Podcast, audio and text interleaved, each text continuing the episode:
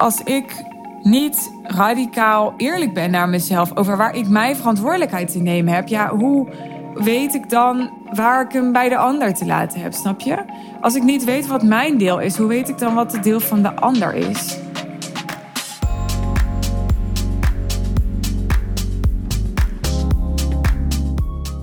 Ik wil het graag met je hebben in deze aflevering over mijn persoonlijke groei in afgelopen twee jaar.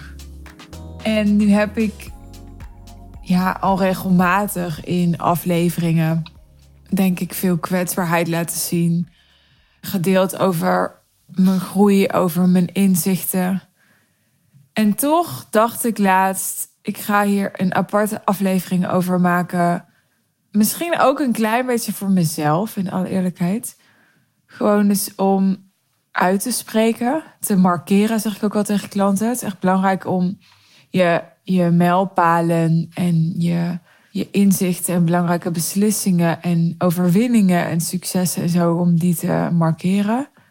Maar ook omdat ik, denk ik, hier echt wel inspirerende dingen over te vertellen heb aan je. Ja. En ja, wat ik hierbij voel, het eerste wat ik wil zeggen is, is ik ben er nog lang niet of zo. Het is een beetje raar om te zeggen. En, en ja, ik ga er waarschijnlijk ook nooit zijn natuurlijk. Maar wat ik interessant vind, is dat, dat er een aantal dingen bij mij geshift zijn in de afgelopen twee jaar, die, waarvan ik twee jaar geleden me er niet zo bewust van was dat het nodig was om, om die te shiften dat is wat ik vooral interessant vind aan het opnemen van deze podcast. Dat, dat ik in, in ja, de afgelopen twee jaar, misschien vooral wel het afgelopen jaar, me bewust ben geworden van dingen waar ik me eerder niet zo bewust van was. En ik kan me voorstellen dat je nu denkt, ja, maar dat is toch ook waar persoonlijke groei en zo over gaat. Ja, maar ik dacht toch altijd dat ik mezelf heel goed kende. En dat ik zeker natuurlijk niet perfect was of ben, maar dat ik wel ook precies wist wat mijn tekortkomingen en mijn, mijn groeiperspectieven waren. En, en dat bleek toch een beetje een misvatting. En uh, nou, ik ben benieuwd of ik je al nieuwsgierig genoeg heb gemaakt om verder te luisteren. Maar dat zit hem bijvoorbeeld in please gedrag en nee kunnen zeggen. Ik was zo iemand die van zichzelf het beeld had dat ze dus helemaal geen pleaser was. Want ik ben in mijn bewustzijn nooit zo heel erg bezig geweest met de mening van andere mensen. En nou ja, dat kon je ook wel zien in mijn gedrag en in keuzes die ik heb gemaakt. Dat ik daarin niet me heel erg liet tegenhouden door ja, wat, wat misschien normaal is of hoe het misschien hoorde. En toch, vorige week zei ik nee tegen eigenlijk iets relatief kleins. En ik schrok er bijna van hoe het als een overwinning voelde. Ik dacht, hé, hey, dat is gek. Of nou ja, gek, interessant. Ik identificeerde me nooit zo met iemand die het moeilijk vindt om nee te zeggen. Maar ik vind dat in sommige situaties wel degelijk moeilijk. Ik ga even niet het voorbeeld noemen, maar het heeft heel erg te maken met loslaten, heb ik geleerd dat als een nee betekent dat ik dan ook echt een, een, een, een droom of een idee of een persoon of een, een kans voor dat moment moet loslaten, dat vind ik moeilijk. Ik ben goed in vastklampen. Dat heb ik ook wel eens gezegd in mijn podcast. Dat heeft me ook veel gebracht. Ik heb heel veel, heel veel pitbull-energie. Maar dat heeft me ook veel gekost. bij vastklampen zie ik gelijk dat beeld vormen van zand in je hand vastklampen, waardoor het door je vingers glipt. En nou ja, ik heb het laatst nog in de podcast gehad over onthecht zijn. Ik geloof eigenlijk totaal niet in vastklampen. Ik geloof dat het werkt op een korte termijn. Maar dat je echt op tijd uh, los te laten hebt. Omdat het anders ten koste van jezelf gaat of van een ander. Of ja, dat is echt wel een proces voor me geweest. En nog steeds wel. Maar nu ik me daar bewuster van ben, ben ik me ook bewuster van waar ik me überhaupt aan vast wil klampen. Omdat ik me dus ook realiseer: oké, maar alles waar ik me aan vastklamp, moet ik ook weer loslaten. Weet je, someday moet, ik dat ook weer loslaten. En niet dat je, uh, hè, dat je dus niet meer ergens voor zou moeten gaan of zo. Maar ja, ik, er is daar wel meer bewustzijn op gekomen. Ik merkte ook de afgelopen tijd dat, uh, dat ik dat op verschillende manieren ook gespiegeld kreeg, dat nee zeggen. En daarop getest werd. En dat er heel veel synchroniciteit op was ook. Dus mijn, uh, mijn mentor begon er opeens over. Van uh, ga eens een boek lezen over hoe je meer nee kan zeggen. Toen dacht ik echt, hè? Ga eens een boek lezen over hoe je meer nee kan zeggen. Maar ik, ik, nou, ik noem maar wat. Weet je, als ik bijvoorbeeld DM's krijg van mensen die zeggen: Ja, ik, uh, hè, ik ben een uh, scriptie aan maken, mag ik je interviewen of zo? Dat soort dingen. zeg ik altijd nee. En uh, als ik ehm, geen zin heb om naar een sociale gelegenheid of zo te gaan, kan ik ook heel makkelijk nee zeggen. In heel veel situaties kan ik heel makkelijk nee zeggen. Maar in de situaties waarin ik het makkelijk vind, is het dus ook geen issue, want daar vind ik het makkelijk. Maar er zijn dus blijkbaar ook nog situaties waarin ik het niet makkelijk vind, waarin ik bang ben om, om erop afgerekend te worden of afgewezen te worden of, of te verliezen gewoon misschien ook wel uh, ja, verliezen.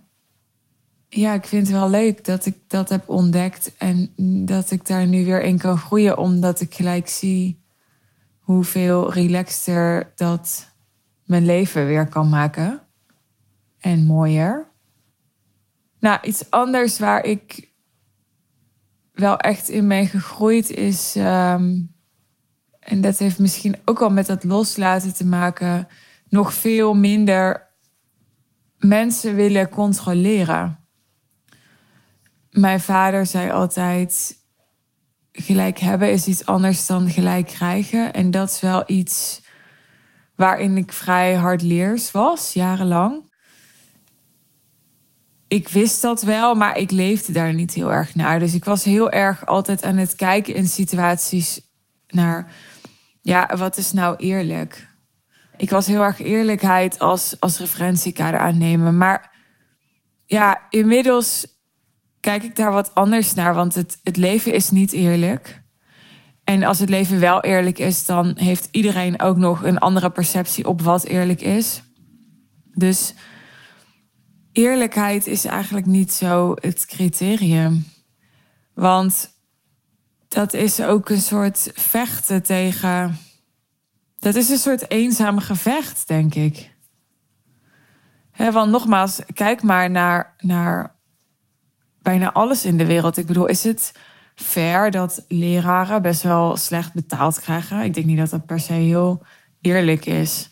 Denk dat leraren best wel een belangrijke functie hebben in onze maatschappij. Maar ja, voor mij zou dat salaris echt wel een reden zijn om geen leraar te willen zijn. En ja, vind ik best wel oneerlijk, vooral ook tegenover onze kinderen eigenlijk. Dat dat, dat, zo, ja, dat dat zo is bedacht en in elkaar steekt. Nou ja, ik geef maar even het eerste voorbeeld op met de binnenschiet. Maar ik wil maar zeggen, er is gewoon zoveel oneerlijk. En ja, voor eerlijkheid gaan en dus voor jouw waarheid gaan staan over wat eerlijk is, wat eigenlijk gewoon neerkomt op je gelijk willen krijgen, ja, dan gaat echt die uitspraak op: wil je gelijk of wil je geluk? Kijk, en ik zeg niet dat we, dat we niet zouden moeten gaan staan voor wat rechtvaardig is. Hè? Dat we niet zouden moeten beschermen wat, ja, wat ons, ons toekomt. En uh, daarvoor hebben we natuurlijk rechten en ook plichten. Maar terwijl ik dit zeg, voel ik gelijk al van, ja, ik geloof op een bepaald manier helemaal niet zo in rechten. Ik denk dat het ook een van de studies zou zijn waar ik het allermeest moeite mee heb, omdat, ja, weet je, ik denk gewoon als puntje bij paaltje komt, dan is in je recht staan gewoon niet zo heel veel waard. Want wat heb je aan in je recht staan als, als, als jouw recht niet gehoord wordt? Je kan beter leren of weten of kunnen zorgen dat je de skills hebt om, hè, om, om gehoord te worden, om in verbinding te blijven, om dat te krijgen, te realiseren, te manifesteren wat belangrijk voor je is. Dan dat je heel goed weet dat je of wanneer je in je recht staat. Want dat, ja, ik vind als ik het zo zeg, dan voel ik gelijk al van dat is eigenlijk maar een eenzame bedoeling, toch? Dat, dat zegt helemaal niks over, ja, over, over de context. Ja, want het is leuk dat jij in je recht staat, maar nogmaals, als, als, je, als je je gelijk niet krijgt of als je als dat recht niet gehoord wordt of niet ingewilligd wordt of ja, van mijn part als je niet de, de simpelweg uh, het, het geld hebt of, of vermogens hebt om, om een advocaat te krijgen om dat recht af te dwingen. Weet je, ja, wat, wat heb je er dan aan? dus je hebt, je hebt skills nodig, je hebt andere mensen nodig, je hebt, je hebt inzicht nodig, verbinding nodig. Je hebt zoveel nodig eigenlijk om ook iets te kunnen met dat recht. En als je daarover nadenkt, dan gaat het dus helemaal niet meer over dat recht. Dan gaat het veel meer over, ja, ik zou zeggen, wijsheid. En wat is wijs? En soms kan het echt wijs zijn om op je strepen te staan. En ik zeg niet dat je, hè, dat, dat je niet je rechten zou moeten beschermen of zo. Hè? Dat is niet wat ik zeg. Maar er, er zit echt nog iets boven recht hebben of recht aan iemand doen, wat volgens mij veel zwaarder weegt en veel meer invloed heeft. En daar ben ik veel meer naar gaan leven. Ja, ik merk het in alles dat ik. Ik kom zo vaak situaties tegen waarin het gaat over wat nou rechtvaardig is. Met leveranciers, met teamleden, met klanten, maar ook met, hè, met mensen waarmee ik geen zakelijke relatie heb. Ik merk dat ik steeds minder bezig ben met wat, ja, wat dus eerlijk of rechtvaardig is of, of wie gelijk heeft, maar dat ik steeds meer denk aan: oké, how do we move forward? dus, dus hoe, hoe gaan we verder met elkaar, uit elkaar? In welke constructie? Wat heb jij nodig? Wat heb ik nodig? Ja, misschien eh, zou mijn vader het noemen de eer aan jezelf houden, maar dat, dat is het eigenlijk ook niet. Want dan gaat het ook weer over jou alleen. En dat is er ook één die, een mooi bruggetje is dit. Dat is er ook één die ik afgelopen jaar best wel op de harde manier heb geleerd. Ik ben echt jarenlang super individualistisch geweest. Dus heel erg ook, ook best wel rechts, zeg maar, politiek georiënteerd. Dus heel erg in het leven staan vanuit hoe het met mij gaat, is mijn verantwoordelijkheid. En hoe het met jou gaat, is jouw verantwoordelijkheid. En hè, we, we zijn er niet om, ik ben jouw moeder niet, jij bent mijn moeder niet. We zijn niet om voor elkaar te zorgen en zo. Terwijl ik, zeg ik ook heel eerlijk, daar ook, daar zat ook absoluut iets niet zuivers. Want ik ben ook al mijn behoeftigheden uit mijn jeugd tegengekomen en zo, die wel degelijk gingen over voor mij zorgen, maar dat terzijde. Maar ik, ik zat altijd heel erg in relaties van of met, met, met het idee van, ja, als. Ja, ik geef mij even een voorbeeld. Als ik bijvoorbeeld jaloers ben, dan is het mijn probleem. Als jij jaloers bent, is het jouw probleem. Weet je wel, het is jouw probleem dat je dat voelt. En ik kunnen we het dan over hebben. En dan, hè, dan stelt je dat misschien gerust of, of wat dan ook. Of dan creëert dat misschien wat veiligheid. En zo niet, dan is het vervolgens weer aan jou om dan wat je daar dan mee doet. Niet aan mij. Het is niet mijn gevoel, het is niet mijn emotie. En ik heb toch wel geleerd dat het niet zo zwart-wit is. Ik kan het ook heel raar vinden eigenlijk als je hoorde bijvoorbeeld in de, de podcast misschien, mijn podcastgesprek met Esther. Ik kan bijna echt een soort van verontwaardiging voelen als zij dan zegt dat ze, dat ze ehm, grote investeringen overlegde met haar partner bijvoorbeeld. Dat, dat ja, ik, ik, ik, ben, ik was gewoon altijd super erg ingesteld van ja, wat ik doe is aan mij en wat jij doet is aan jou. En, maar ja, ook wel als ik erop terugkijk, ging dat ook wel door tot eigenlijk gewoon een, een gebrek aan commitment misschien wel. Een gebrek aan echt commitment. En daarmee ook aan diepe verbinding. Omdat je dan, als het erop aankomt, niet per se echt hoeft te verhouden tot die ander. Want je doet toch wat je zelf wil. Dus ja, ik heb wel geleerd dat ehm, natuurlijk, weet je wel, hoe, hoe ik me voel en hoe ik me gedraag en zo, dat is mijn verantwoordelijkheid. Alleen die ander heeft daar wel degelijk invloed op en andersom. Het is, het is, we zitten in contact met elkaar en in relatie met elkaar altijd in een dynamiek die je samen creëert. En door jouw deel van de dynamiek niet te erkennen, hè, of laat ik het bij mezelf houden, door mijn deel van die dynamiek niet te erkennen, neem ik eigenlijk ook niet helemaal verantwoordelijkheid voor die situatie of dat contact of die relatie. En dat is gelijk een mooi bruggetje naar de volgende. Dat ik verantwoordelijkheidsgevoel echt, of verantwoordelijkheid heel uh, hoog heb zitten in mijn kernwaarden. Ik heb wel eens van die kernwaardetestjes gedaan in verschillende situaties. En verantwoordelijkheidsgevoel staat heel hoog bij mij. Het heeft ook te maken weer met mijn enneagramtype. Ja, ene in het enneagram die, ja, die hebben gewoon een heel groot verantwoordelijkheidsgevoel. En ja, ik ben ook iemand, weet je wel, ik, ik, ik voel me heel verantwoordelijk over ja, hele basale dingen als dat ik mijn vaste lasten kan dragen, dat mijn kind gezond eet, dat ik, hè, dat ik mijn eigen shit oplos voor mijn kind, dat ik, ja, waar voel ik me nog meer verantwoordelijk voor? Dat ik mijn tijd zinnig besteed. Dat ik, um, ja, dat ik niet dingen doe die heel erg niet duurzaam zijn. Die ik vast wel zal doen. Ook zeker wel doe. Ik heb gisteren nog uh, drie kwartier gedoucht of zo, geloof ik. Um, maar ik voel, me, ik voel daar wel degelijk echt veel verantwoordelijkheidsgevoel op. Dus ik, ik, ik ga best wel met een groot verantwoordelijkheidsgevoel door het leven. Maar ik heb het verschil geleerd tussen een verantwoordelijkheidsgevoel hebben en volledig je verantwoordelijkheid nemen.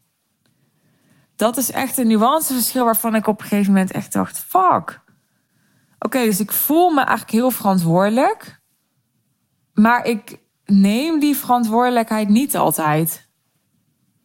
En het was niet alleen maar altijd uh, de verantwoordelijkheid niet nemen.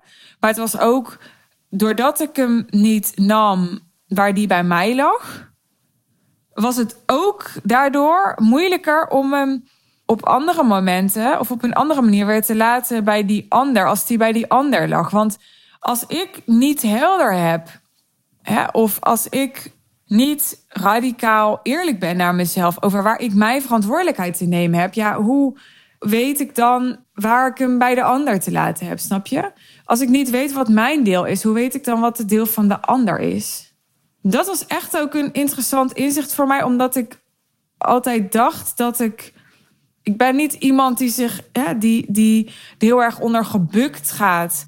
Dat hij maar ja, de verantwoordelijkheid van alles en iedereen op zijn, op, op mijn schouder. Dat ik de verantwoordelijkheid van alles en iedereen op mijn schouders draag. Dat niet. Is wel een groot verantwoordelijkheidsgevoel, maar niet op zo'n manier dat ik daaronder gebukt ga. Want juist door dat, individualistische, dat rechtse waar ik het net over had, kon ik ook eigenlijk heel makkelijk denken: oké, maar dit is jouw stuk. Dus me niet zo aangesproken of aangevallen voelen als, ik, als het over mij ging. Of als ik het gevoel had dat iets op mij geprojecteerd werd. Maar ik kon wel degelijk dan vervolgens als iemand anders zijn of haar verantwoordelijkheid niet nam in mijn ogen. Daar dan helemaal over, over de zijk zijn. Kun je me nog volgen? Ik heb dus echt moeten leren. Nou, ik ga even een concreet voorbeeld noemen. Stel, ik heb een klant die niet betaalt. Dan was dus mijn, uh, mijn reactie: ja, het is jouw verantwoordelijkheid om te betalen. Hè, dat is jouw deel van de afspraak die we hebben gemaakt om na te komen. Nou, die verantwoordelijkheid kon ik dan heel goed bij de ander leggen. Maar als die ander dan dat vervolgens niet. Dit is een fictief voorbeeld hè, voor duidelijkheid. niet dat jullie nu je hoofd gaan breken over. Oh, wanneer of wie is dit gebeurd? Ik verzin dit niet ter plekke. Maar als die ander vervolgens dan toch niet betaalt. dan is het wel degelijk weer mijn verantwoordelijkheid hoe ik daar dan mee omga.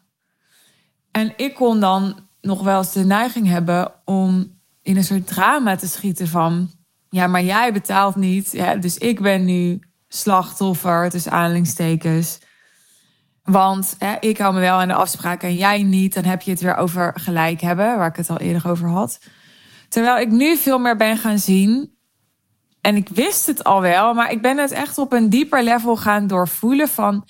Nee, maar ik ben in some way altijd verantwoordelijk voor wat er in mijn business in dit geval, maar eigenlijk überhaupt in mijn leven, in mijn veld gebeurt.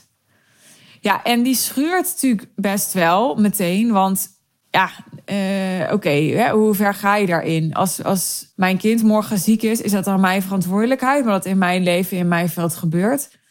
Nou ja, dat misschien niet, maar dus wel hoe ik daarmee omga. En daar liet ik het nog wel eens lopen. Dus dan ging ik kijken naar de feiten en naar de rechten en plichten en gelijk hebben. En in plaats van naar, oké, we, we hebben hoe dan ook in zo'n situatie een soort gezamenlijk probleem. Want ja, ik heb er last van dat die ander niet betaalt. En dat is evengoed mijn probleem. Weet je wel? Dus, dus ik ben ook mede verantwoordelijk op zo'n moment voor die situatie. Ik ben er niet verantwoordelijk voor dat die ander betaalt. Dus ik ben niet verantwoordelijk voor het gedrag van die ander. Maar ik ben wel mede verantwoordelijk voor de situatie. al is het maar omdat ik, ik ben een commitment aangegaan met die klant. Ja, ik heb die situatie mede gecreëerd. En als die ander dan niet zijn verantwoordelijkheid pakt in de afspraken die ik heb gemaakt, dan heb ik volgens mij te kijken naar: oké, maar waar ligt hier mijn verantwoordelijkheid in? Ligt bijvoorbeeld in: oké, was deze match überhaupt goed? Hè, waren er signalen dat dit ging gebeuren bijvoorbeeld? Maar ook, ik kan daar een, een maandenlang durend drama van gaan zitten maken als die klant daadwerkelijk niet zou betalen. Maar vervolgens is het ook mijn verantwoordelijkheid in zo'n situatie om te denken, ja, hoe wil ik verantwoordelijkheid nemen over wat hier nu gebeurt? Dus niet over die afspraak, maar wel over wat hier nu gebeurt. Dus bijvoorbeeld over hoe ik het feit dat iemand anders niet betaalt, hoe ik dat grip laat hebben en invloed laat hebben over, op mijn leven. Want dat is daadwerkelijk wel mijn verantwoordelijkheid. Want als je die verantwoordelijkheid, als ik die verantwoordelijkheid niet pak, ja, dan word ik een soort, nou ja, niet een soort, maar dan word ik slachtoffer. Ga ik mezelf zien als het slachtoffer van, van het gedrag van de ander. En die slachtofferpositie, daar, daarmee geef ik altijd mijn leiderschap weg. Dat gaat me nooit helpen.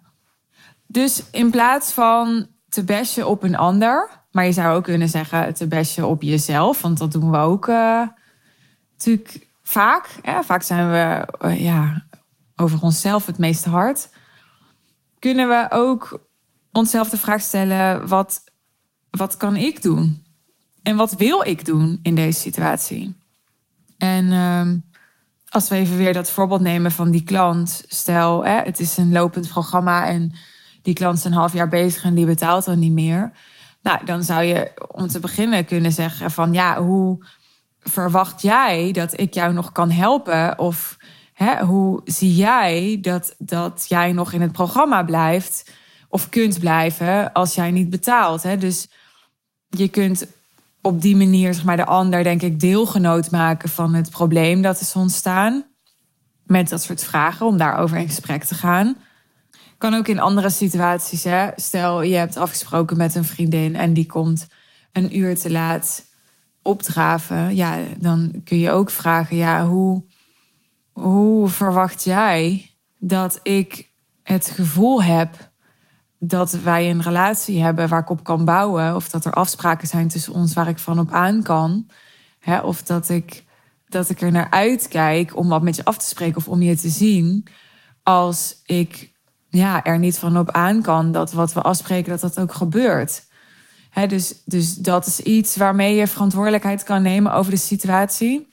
En als je daar dan niet uitkomt met elkaar, dus je hebt andere inzichten of um, ja, die ander die laat niet gedrag zien waar jij mee kan leven, wat voor jou acceptabel is dan wordt het ook weer jouw verantwoordelijkheid om te zeggen: oké, maar dan maak ik nu deze, deze beslissing. Dus bijvoorbeeld om die vriendschap te beëindigen of om die klantrelatie te beëindigen. Maar misschien ook wel om bijvoorbeeld je, je betalingsafspraken te veranderen of je algemene voorwaarden te veranderen. Daar zit ook een stuk verantwoordelijkheid in. Of natuurlijk uh, uh, de klanten waaraan je je committeert, niet te vergeten. Ja, dus die die twee die horen heel erg uh, bij elkaar. Voor mijn gevoel dus die echt radicale eerlijkheid over wanneer je je leiderschap weggeeft en in de slachtofferrol gaat. En wanneer je echt je verantwoordelijkheid neemt. En er zijn echt wel situaties geweest in de afgelopen twee jaar waarbij ik dacht dat ik echt helemaal mijn verantwoordelijkheid nam. En toen na heel wat coaching en weerstand en zo erachter kwam, hmm, nou eigenlijk toch niet. En dat had dus niet te maken met dat ik niet een groot verantwoordelijkheidsgevoel heb, want dat heb ik wel degelijk. Maar dat had dus te maken met echt helemaal eerlijk zijn over hoe iets echt is.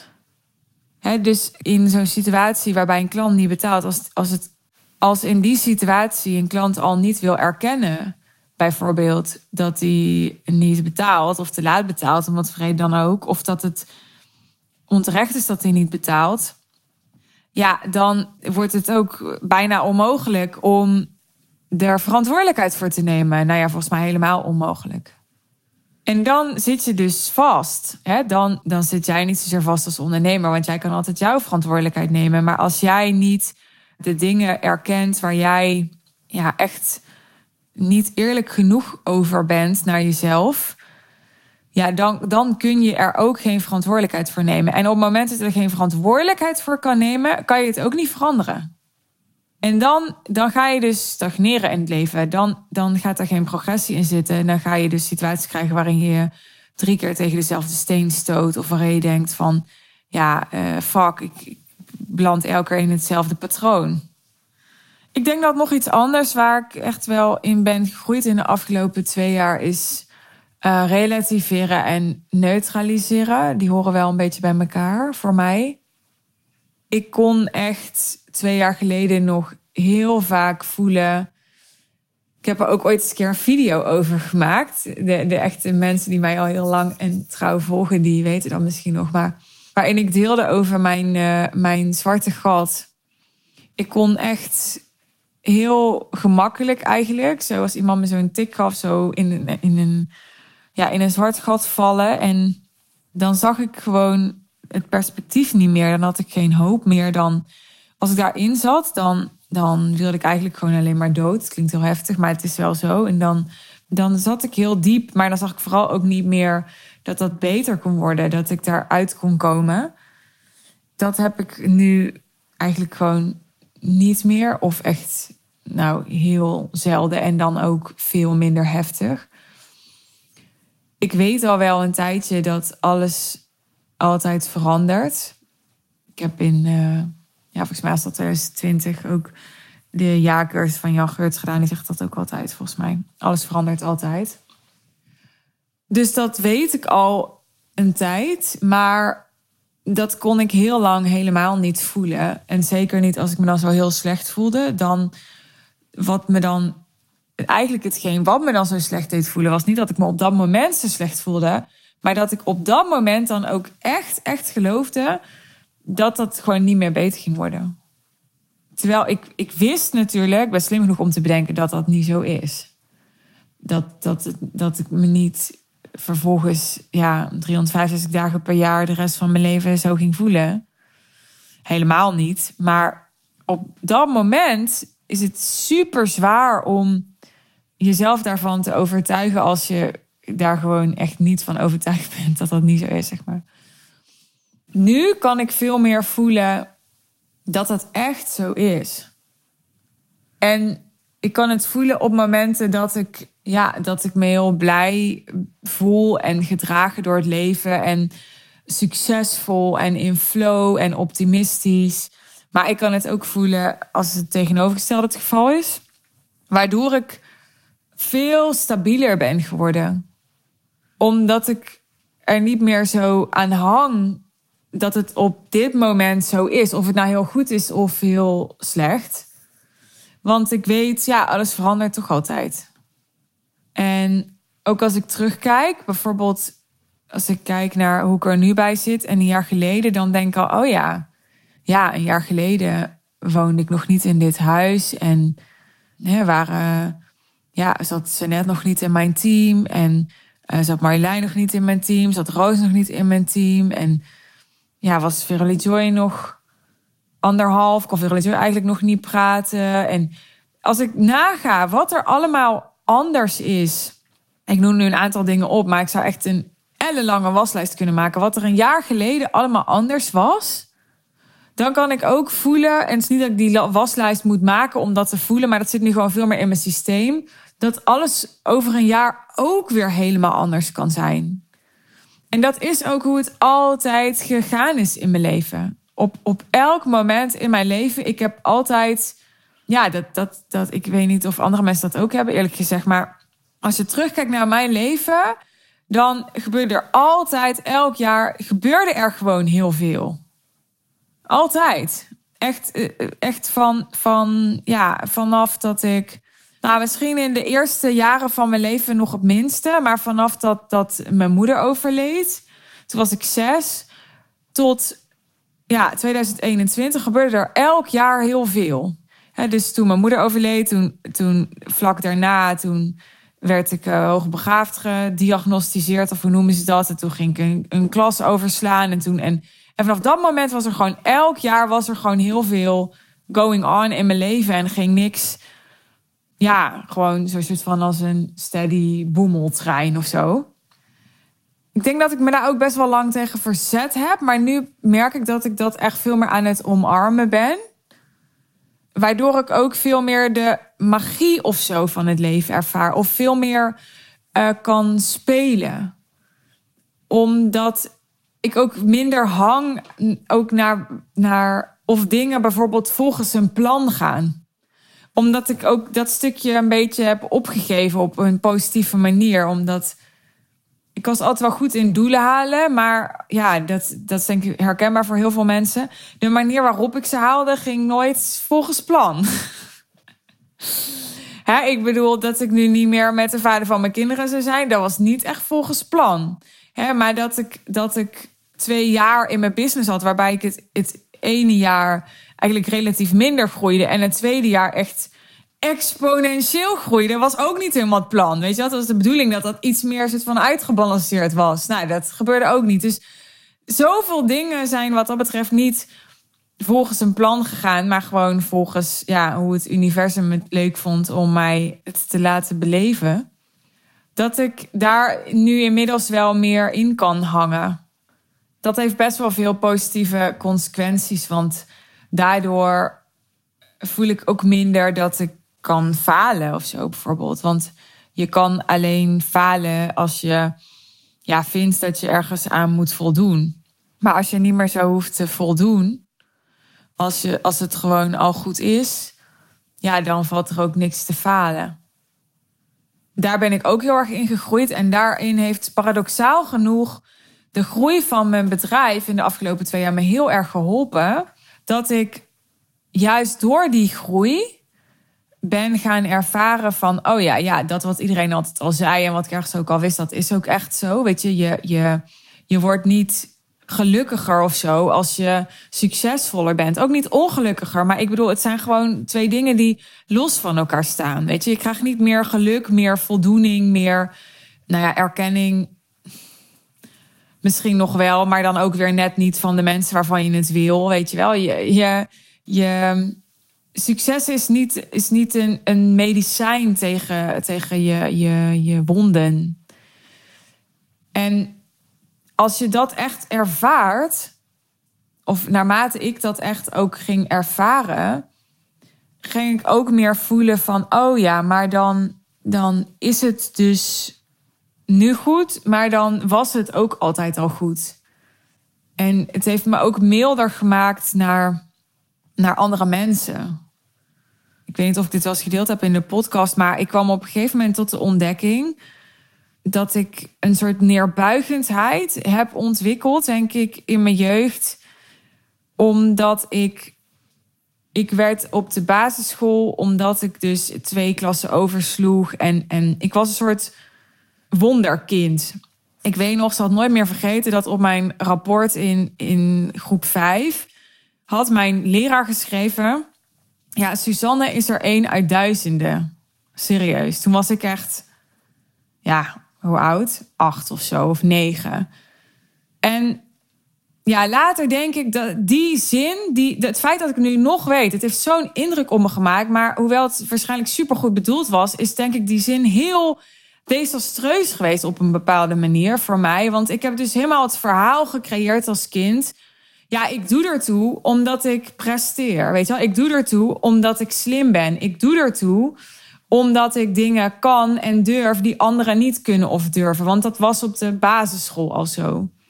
Was ik al best wel goed in, in uh, schappig. Want ik heb natuurlijk laatst dat optredens aanleidingstekens gedaan op mijn event. Maar ik weet nog dat, dat ik zat dus bij kinderen die twee jaar ouder zijn, anderhalf, twee jaar ouder waren dan ik. En ik vond alles bij die kinderen doen, vond ik echt heel spannend. Kan je misschien wel begrijpen, want gewoon het feit dat zij ouder zijn, maakte best wel heel onzeker. Maar ik ging altijd toch.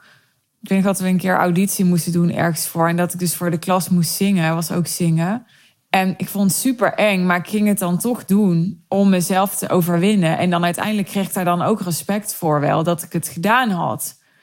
Dat soort dingen. En ja, daarmee heb ik niet alleen het verhaal over mezelf ontwikkeld. Van oké, ik doe ertoe omdat ik presteer. Maar ook een verhaal ontwikkeld over ja, mensen die dus niet presteren, die doen er dus niet toe. Weet je wel, wat natuurlijk fucking bullshit is. Maar ja, je kan je misschien wel voorstellen dat als je zulke, verha zulke overtuigingen hebt, dat dat. Dat, het klinkt misschien onaardig als ik het zo zeg, maar het was vooral heel onaardig voor mezelf. Want wat denk jij dat het doet met relaties in mijn leven als ik met die overtuiging in het leven sta? Hoe denk je dat mensen dan op mij reageren? Hoeveel klappen denk je dat ik daarover heb gehad? Nou, je hoort het wel aan mijn stem, weet je wel. Dit is best wel een gevoelig onderwerp voor mij. Want ik kan ook voelen terwijl ik het vertel. Ik denk, ja, maar ik was ook maar een kind. Wist ik veel, weet je wel. Ik was ook gewoon onschuldig. Dit is ook gewoon, ja, hoe ik werd geprogrammeerd, geconditioneerd. Hè? Dit is ook niet ja, waar ik bewust voor gekozen heb. Maar ik, ik, ik had en heb er wel nu als volwassene verantwoordelijkheid voor te dragen. Ja, en ik ben dus milder geworden doordat ik ja, op een gegeven moment ik over een soort van, van grens kwam. Nog niet zo lang geleden, maar ik ben daar nu al overheen. Dat ik nu. Ja, ja, overheen. Ja. Ik zit nu zeg maar op dat punt in mijn, ja, hoe moet ik het noemen, carrière, loopbaan. Uh, dat ik terwijl het natuurlijk allemaal nog veel groter en succesvoller en alles zou kunnen. Daar gaat het helemaal niet om. Maar ik voel ergens wel, als ik morgen alles zou verliezen, dan, dan heb ik mezelf bewezen of zo. Dan heb ik bewezen dat ik kan manifesteren. Dan heb ik bewezen dat ik succesvol kan zijn. Dan heb ik bewezen dat, dat ik overtuigingskracht heb. Dan heb ik bewezen dat ik skills heb, weet je wel, die mega waardevol zijn. Dan heb ik bewezen dat, dat ik doorzettingsvermogen heb, dat ik mezelf kan overwinnen, dat ik. En nogmaals, niet dat dat nu bewezen is, vinkje klaar, hè, zo niet. Maar ja, twee jaar geleden stond ik daar allemaal nog veel meer voor. Ja, was ik nog veel meer bezig met, oké, ik moet daar naartoe. En, en dat heb ik niet meer zo. En juist doordat ik dat nu allemaal heb meegemaakt, denk ik, ja, ja, nou ja, oké, die, die twee jaar, die hebben nou echt niet gemaakt dat ik, dat ik zeg maar beter ben dan een ander of zo. Natuurlijk totaal niet. En het klinkt heel, ja, nogmaals, ik, als ik het zeg, dan moet ik echt om mezelf lachen, omdat ik het heel ridicuul vind klinken. Maar er was dus ergens wel een soort overtuiging van dat het wel nodig was om mezelf te bewijzen, om dus ja, om, om niet alleen er te mogen zijn, maar ook om keuzes te rechtvaardigen die ik had gemaakt. Ja, dus ik, ik heb natuurlijk ook voor gekozen om niet te studeren. En dat heeft ook wel in mij wakker gemaakt. Dat ik dacht, ja, oké, maar dan moet ik niet zo'n zo'n school drop-out stumper worden, weet je wel. Moet ik wel ook zo'n drop-out worden die dan vervolgens iedereen het nakijken geeft. Ja, en over dat nakijken gesproken. Ik zat laatst nog op de Facebook van iemand die bij mij op de middelbare school zat en die nu cameraman is of zo. En ik dacht alleen maar, ja, wat tof eigenlijk. Dat ik, ik heb met iemand op school gezeten die is nu echt CEO van een bedrijf met echt 500 medewerkers of zo. vind ik ook super cool. Maar ik vind het echt even cool om te zien dat er dat ook gewoon mensen met wie ik op school zat zitten ook gewoon vrouwen bij die een soort huismoeder zijn geworden. En dat, dat vind ik ook leuk, oprecht. Weet je wel? Dat dat gewoon, dat dat allemaal uit soortzelfde bron is gekomen. En dat iedereen daar zijn eigen keuzes in heeft gemaakt en zijn eigen weg in heeft gevonden. En, en ik voel nu helemaal niet meer dat, dat soort van superieure, inferieure. En dat, ja, dat, dat heeft een soort mildheid gecreëerd naar mezelf, maar ook naar de mensen om me heen. Wat, wat me natuurlijk echt wel goed doet. Ja, ik heb eigenlijk het idee dat ik zo nog prima een uur kan doorpraten. Ik kom elke keer weer op het volgende. Maar ik ga hem nu toch maar afronden. Want af en toe moet je natuurlijk wel het gevoel hebben dat er nog iets meer te halen en te ervaren en te horen moet zijn. Als je klant bij mij wordt, hè? Nee, geintje. Daar krijg ik echt vaak vragen over van klanten en ook van potentiële klanten. Van hè, wat, wat deel jij nou in je podcast en waar waar trek je nou een soort grens aan waar mensen voor moeten betalen? Ja, en ik heb daar geen eenduidig antwoord op. Ik doe dat heel intuïtief. Dus ik, ik ga gewoon, als ik dit opneem bijvoorbeeld, ga ik gewoon helemaal open. En dan ga ik echt niet met de rem erop praten. Maar op een gegeven moment voel ik ook, ja, nu is het klaar, nu is het goed. En ja, ik zou nu nog veel meer kunnen delen. Maar A, meer is niet altijd beter. En B, ja, dat hoeft ook niet, want ik geef al heel veel. Dus ik mag ook gewoon zeggen, nou, hier zit wel genoeg. Zo voel ik dat. Ik ben benieuwd of jij dingen gehoord hebt die heel erg bij jou resoneerden. Want uiteindelijk gaat het natuurlijk niet om mij, deze aflevering. Maar deel ik mijn verhaal om jou weer te raken, om jou weer te prikkelen. Om jou weer te laten reflecteren op, ja, wat, wat is eigenlijk mijn, waar heeft mijn belangrijkste groei in gezeten de afgelopen periode? En en wat heeft dat voor me betekend? Hè? Zodat jij jouw groei kunt markeren. Waar ik mee begon aan het begin van deze aflevering. Als je wilt reageren, dan uh, ja, stuur me gerust een DM op Insta. En dan, uh, ja, dan kunnen we het erover hebben. Kunnen we erover in gesprek. Ik ben, uh, ik ben benieuwd wat jou getriggerd heeft en uh, ja, tot slot, als je heel erg verbonden voelt met mij door deze aflevering en of door andere content die je eerder hebt gehoord of gekeken. En je wilt onderzoeken met ons of dat ik de aangewezen persoon ben om jou te helpen bij, ja, natuurlijk je business transformatie, want dat is waar ik bij help. Maar ja, je hoort het ook door deze aflevering heen voor mij heeft mijn business transformatie ook heel veel persoonlijke groei gebracht. Dus in, in het kielzorg van die business transformatie ga je ook je persoonlijk veel vrijer voelen. Dat is wel een belofte die ik durf te doen. Als je echt dat leerproces en die transformatie aangaat. Want je hebt dat leerproces en die persoonlijke groei nodig voor de business transformatie. Maar doordat je die business transformatie ambieert, doordat je verlangens hebt op het gebied van geld en tijd en vervulling, ga je die persoonlijke groei maken. Het wordt bij elkaar. Dus ik zeg altijd, ja, voor mij is, is, zijn de doelen, waaronder de gelddoelen, zijn eigenlijk de trekhaak van alles wat daarna komt. En ja, persoonlijke groei is, is een onderdeel van wat daarna komt. Zoals jij wil dat, uh, dat ik jou daarbij begeleid, dat je ja, onder mijn, uh, mijn vleugels dat proces meemaakt, dan ben je welkom om uh, je call te boeken met ons over mijn business traject The Real Deal. En dat kan via de sales page over The Real Deal en die vind je in de show notes. Dus daar verwijs ik je graag naar. Mocht je nog niet geabonneerd zijn op mijn podcastkanaal of mijn kanaal volgen op Spotify, doe dat zeker als je het interessant vindt om naar me te luisteren. En dan heel graag weer tot de volgende aflevering.